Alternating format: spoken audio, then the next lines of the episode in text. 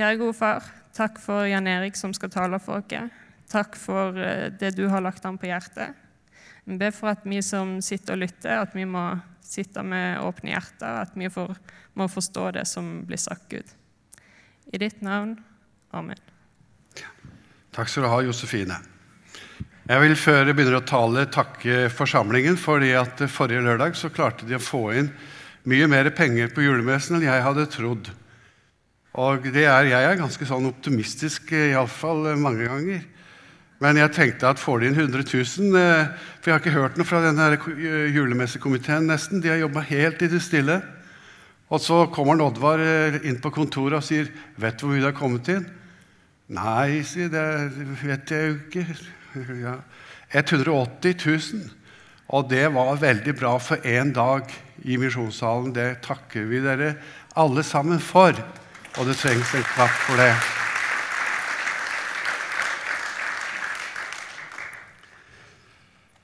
Talen i dag blir altså delt på en måte i tre deler. Jeg kommer til å ha to av disse delene. Espen Ottosen skal ha den tredje delen. Og han skal fortelle, ikke om sin siste reise, men den reisen han gjorde til Nord-Afrika. Og eh, det er vi veldig takknemlige for at han vil komme og si oss noe om. Men jeg skal snakke om at uh, se, din konge kommer til deg. Det er den første delen som jeg skal si noe om. Dette personlige. Den andre delen vil jeg si noen setninger om. Hva vil det si at Jesus rydder i tempelet? Men aller først så vil jeg understreke at teksten har jo veldig mange sider. Og som forsamlingsleder som har talt over denne teksten et par ganger før her i denne forsamlingen, så har jeg lov, syns jeg, til å trekke fram noen av sidene hver gang jeg ikke taler om det samme hvert tredje år. For jeg regner med at dere husker talene mine så godt. ja, ja, det, Nei, men er, jeg husker det sjøl iallfall, og da blir det ikke noe særlig moro å holde det opp igjen. Nei, men er, eh, jeg vil si litt om at det er et veldig profetisk eh, aspekt over denne dagen. Og det mest kjente bibelverset i Gamle Testamentet som på en måte gjentas i teksten, det er fra Zakaria 9,9. Der står det 'Fredskongen på Sion'. står det. Bryt ut i jubel, datter Sion. Sion er et eh, poetisk navn for Jerusalem. Rop av glede, datter Jerusalem, se din konge kommer til deg, rettferdig og rik på seier. Fattig er han og rir på et esel, på en eselfole. Dette skjedde denne dagen. Men det er også noe profetisk i det at Jesus rydder tempelet. At han gjør en revolt i tempelet. Og det kommer vi altså tilbake til i siste delen av det jeg skal si. Men først vil jeg spørre deg og oss Er Jesus din konge? Er han vår konge? For å si det litt sånn mer direkte Er du en personlig kristen, kan vi spørre. Lever du med Jesus? Jeg husker I min ungdom så var jeg ganske frimodig til å spørre mennesker om nettopp det. Og jeg kunne kanskje gå vel langt i min iver, i min første preketid. Og Jeg husker da jeg traff en ung gutt på 15 år. Og Så gikk jeg bort til han. Jeg var predikant på dette stedet. Og så spurte jeg er du frelst. Og han ble jo veldig redd, på en måte. og begynte liksom å skjelve litt, og så sa han «Eh, Ja, sa han. Han stamma. For far min er organist, sa han. Det var det han hadde å trøste seg til. Men eh, når jeg var 15 år, kom jeg på etterpå, så ble også jeg spurt av to ivrige vekkelsespredikanter. De heter Egil og Arne. De reiste rundt og hadde kampanjer i telt og bedehus. Og det var mye som skjedde rundt dem. Og så satt vi der på Hadeland. bakerst Vi skulle reise så sto jeg bakerst der. Så gikk han nedover. På hver sin side Egil der og Arne der. Og så så de nedover, og så pekte Er du frelst? Og så gikk det så en annen til et annet offer. Er du frelst? Og så jeg sto der, og skuldrene mine gikk lenger og lenger opp mot ørene.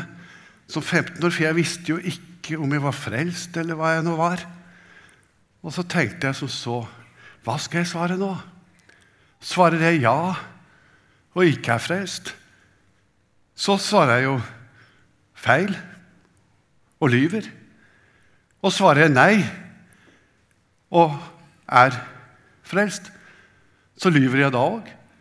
Så dette ble helt umulig for meg. Jeg kom ikke på at jeg kunne si 'jeg vet ikke', for da ville de være på med begge to. Så det kunne jeg jo ikke si.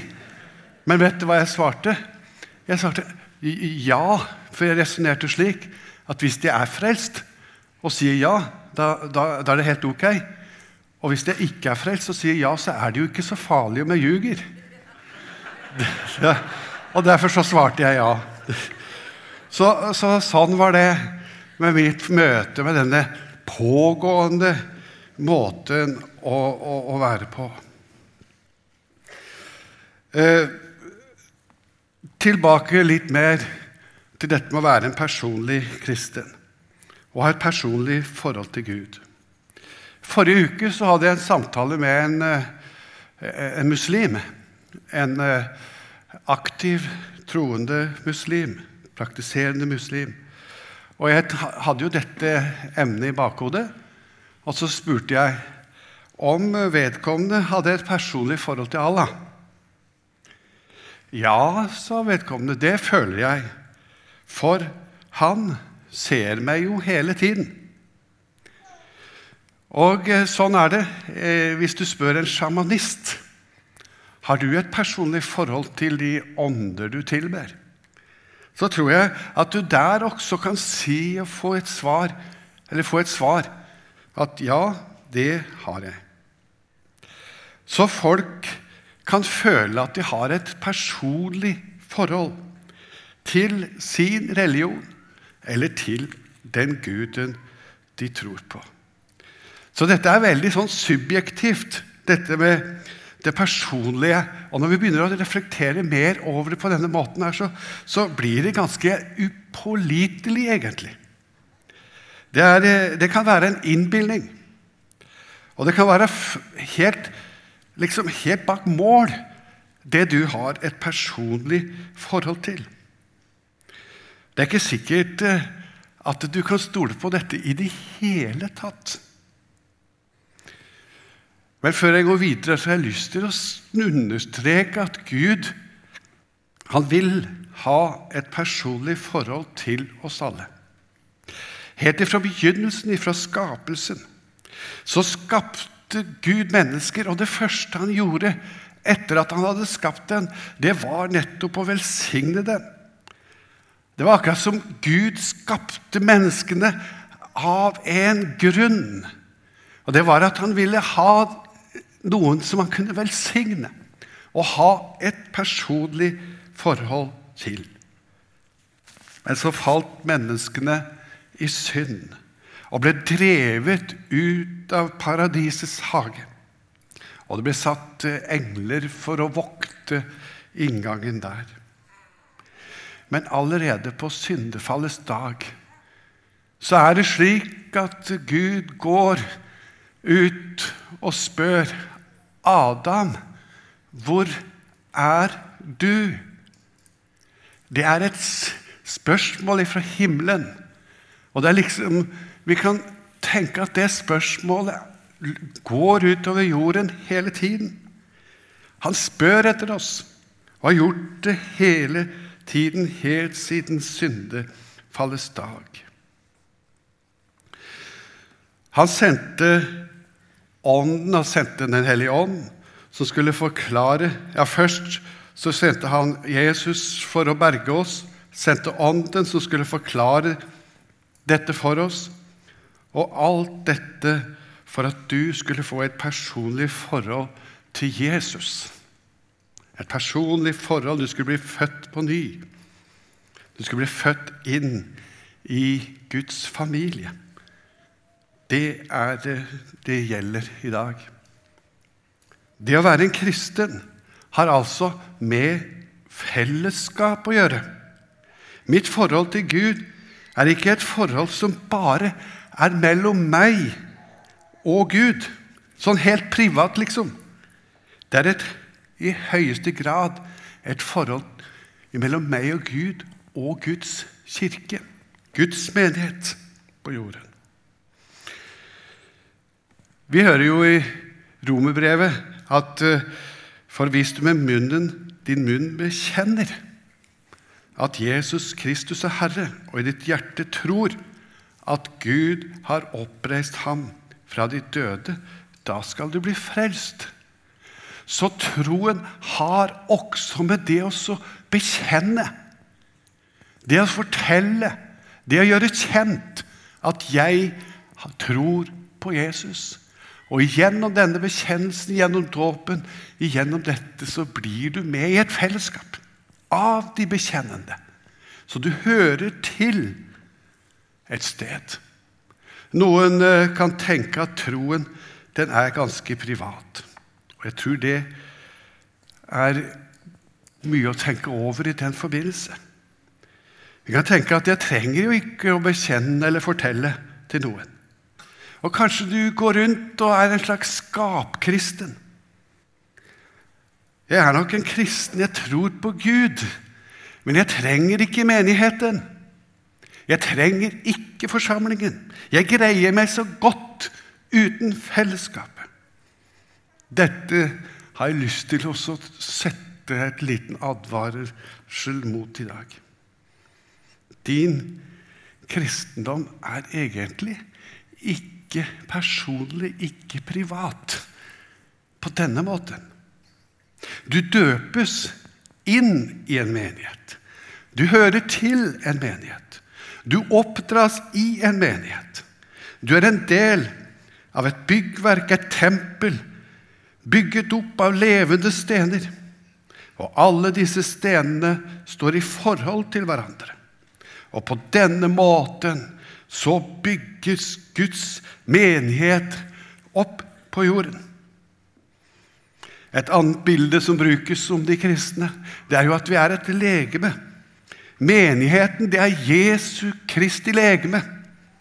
Og om fingeren sier til hånda 'Jeg trenger deg ikke', så vet du hvordan det ville gå. Eller hånda sier til armen 'Det er ikke så nødvendig' at jeg henger på armen.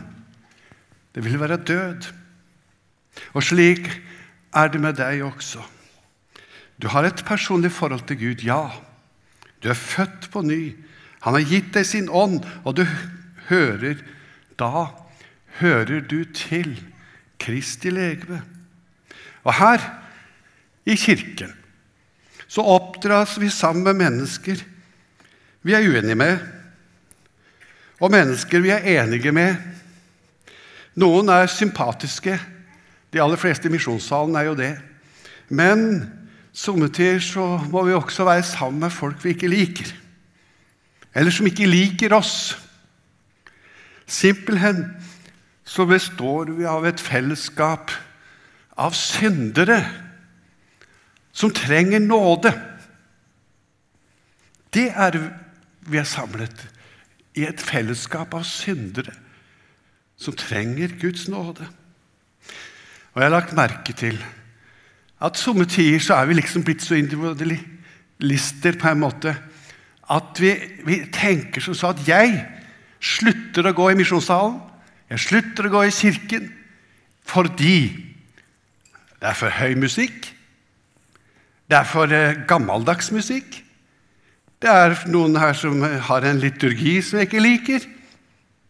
Eller sånne ting som egentlig er helt bak mål, når du tenker på hva vi nå snakker om. For det at vi hører til i et fellesskap, det er en åndelig dimensjon over det. Det er ikke det at jeg ikke slutter å gå i min kirke fordi at der er det noen jeg misliker, eller noen som har meninger som jeg ikke er helt enig i. Det kan være også at vektleggingen av en del ting innen den kristne lære, eller innen Bibelen, er blitt litt forskjellig. En legger tyngdepunkt på forskjellige steder, og så tenker en så at siden de legger tyngdepunktet litt for mye den veien, så, så vil ikke jeg ha noe med menigheten og kirken å gjøre. Og til slutt så står du der ute på et jorde, hadde jeg så nær sagt, ensom, aleine, uten å være en del av en menighet. Uten å ha den livssamfunnet, og så har troen din blitt mer og mer privat. Ja, du er jo en personlig kristen, kan du si. Jeg er en privat kristen. Ja, hvilken kirke? Hvor hører du til? Ingen steder. Og Så vandrer du rundt. Til slutt blir du en sånn ensom som aldri får prøvet din tro og dine meninger. Aldri får oppleve at du blir tatt hånd om det som du gjør feil, eller det som er nådegavene dine, får ikke vokst. Og du vokser ikke som kristen. Vi har noe som heter Augustana, som vi trekker fram som en gammel tro, trosbekjennelse som vi, vi, vi bekjenner oss til. Og Der står det i artikkel 7 om Kirken Likeens lærer de at det alltid vil forbli en hellig kirke. Men Kirken er forsamlingen av de hellige, der evangeliet blir lært rent og sakramentet forvaltet rett. Og til sann enhet i Kirken er det nok å være enig om evangeliets lære, om forvaltningen av sakramentene, men det er ikke nødvendig at det alle steder er ensartede menneskelige overleveringer eller skikker eller seremonier som er fastsatt av mennesker. Det betyr det er ikke nødvendig at du er enig om alt. Konklusjonen min i punkt 1 er Se, din konge kommer til deg. Da du tok imot ham, blir du en del av det riket han er konge i. Dette riket har, har på mange måter sin utforming i Kirken, som er forsamlingen av de hellige. Og porten, døren inn til denne kirke, er Jesus. Og du er da en del av forsamlingen. Og skal jeg gå raskt videre til det andre jeg har lyst til å si. Dette med renselsen av tempelet. Vi hører i første del av den teksten vi har hatt i dag om at Jesus kom ridende på et esel. Vi ser han ydmyk, saktmodig,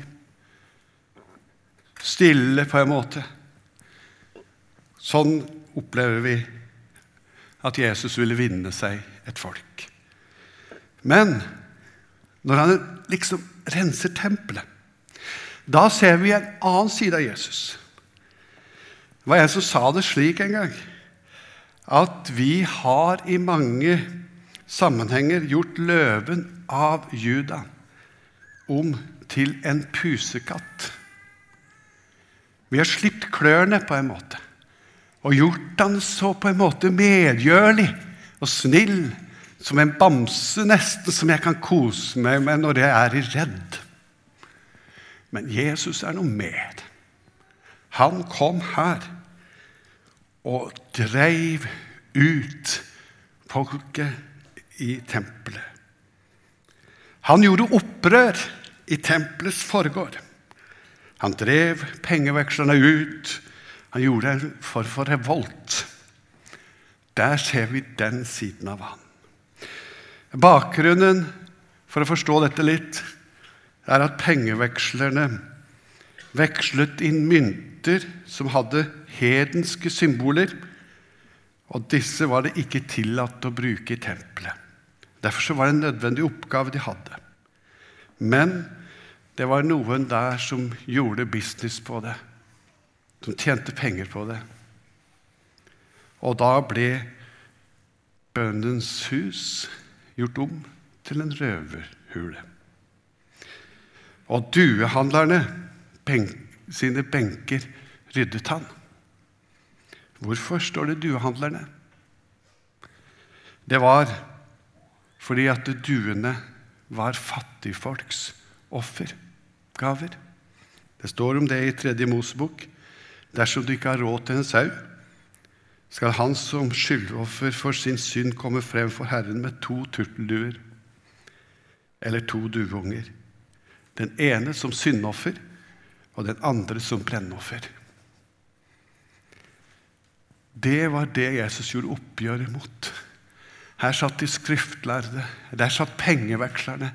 Og så gjorde de det vanskelig for fattigfolk å komme til gudstjeneste. Dette satte han kraftig innpå. Det er en profetisk handling. For det nye kongeriket, det er et kongerike for småfolk. Det er et kongerik for syndere. Og det andre han gjorde, det var at han helbredet syke og lamme, lamme og blinde på tempelplassen. I Gamle testamentet står det om at det slike, en blind og halt får ikke komme inn i tempelet. Jesus gjorde opprør imot disse ting og ville at dørene inn til hans kongerike skulle stå vidt oppe for alt folk. Nå, Espen, kan du komme fram. Advent betyr å komme Jesus han kom inn i Jerusalem. Det er det hørt om i dag. Han kommer igjen som konge, og da skal alle kne bøye seg for han. Han skal dømme levende og døde. Og så vil han komme til deg og vår menighet. Kanskje vil han rense livet ditt. Kanskje vil han velte noen bord i ditt liv. Kanskje vil han endre noen holdninger hos deg. Men aller mest har jeg lyst til å si syndere og fromme er velkommen inn i dette riket.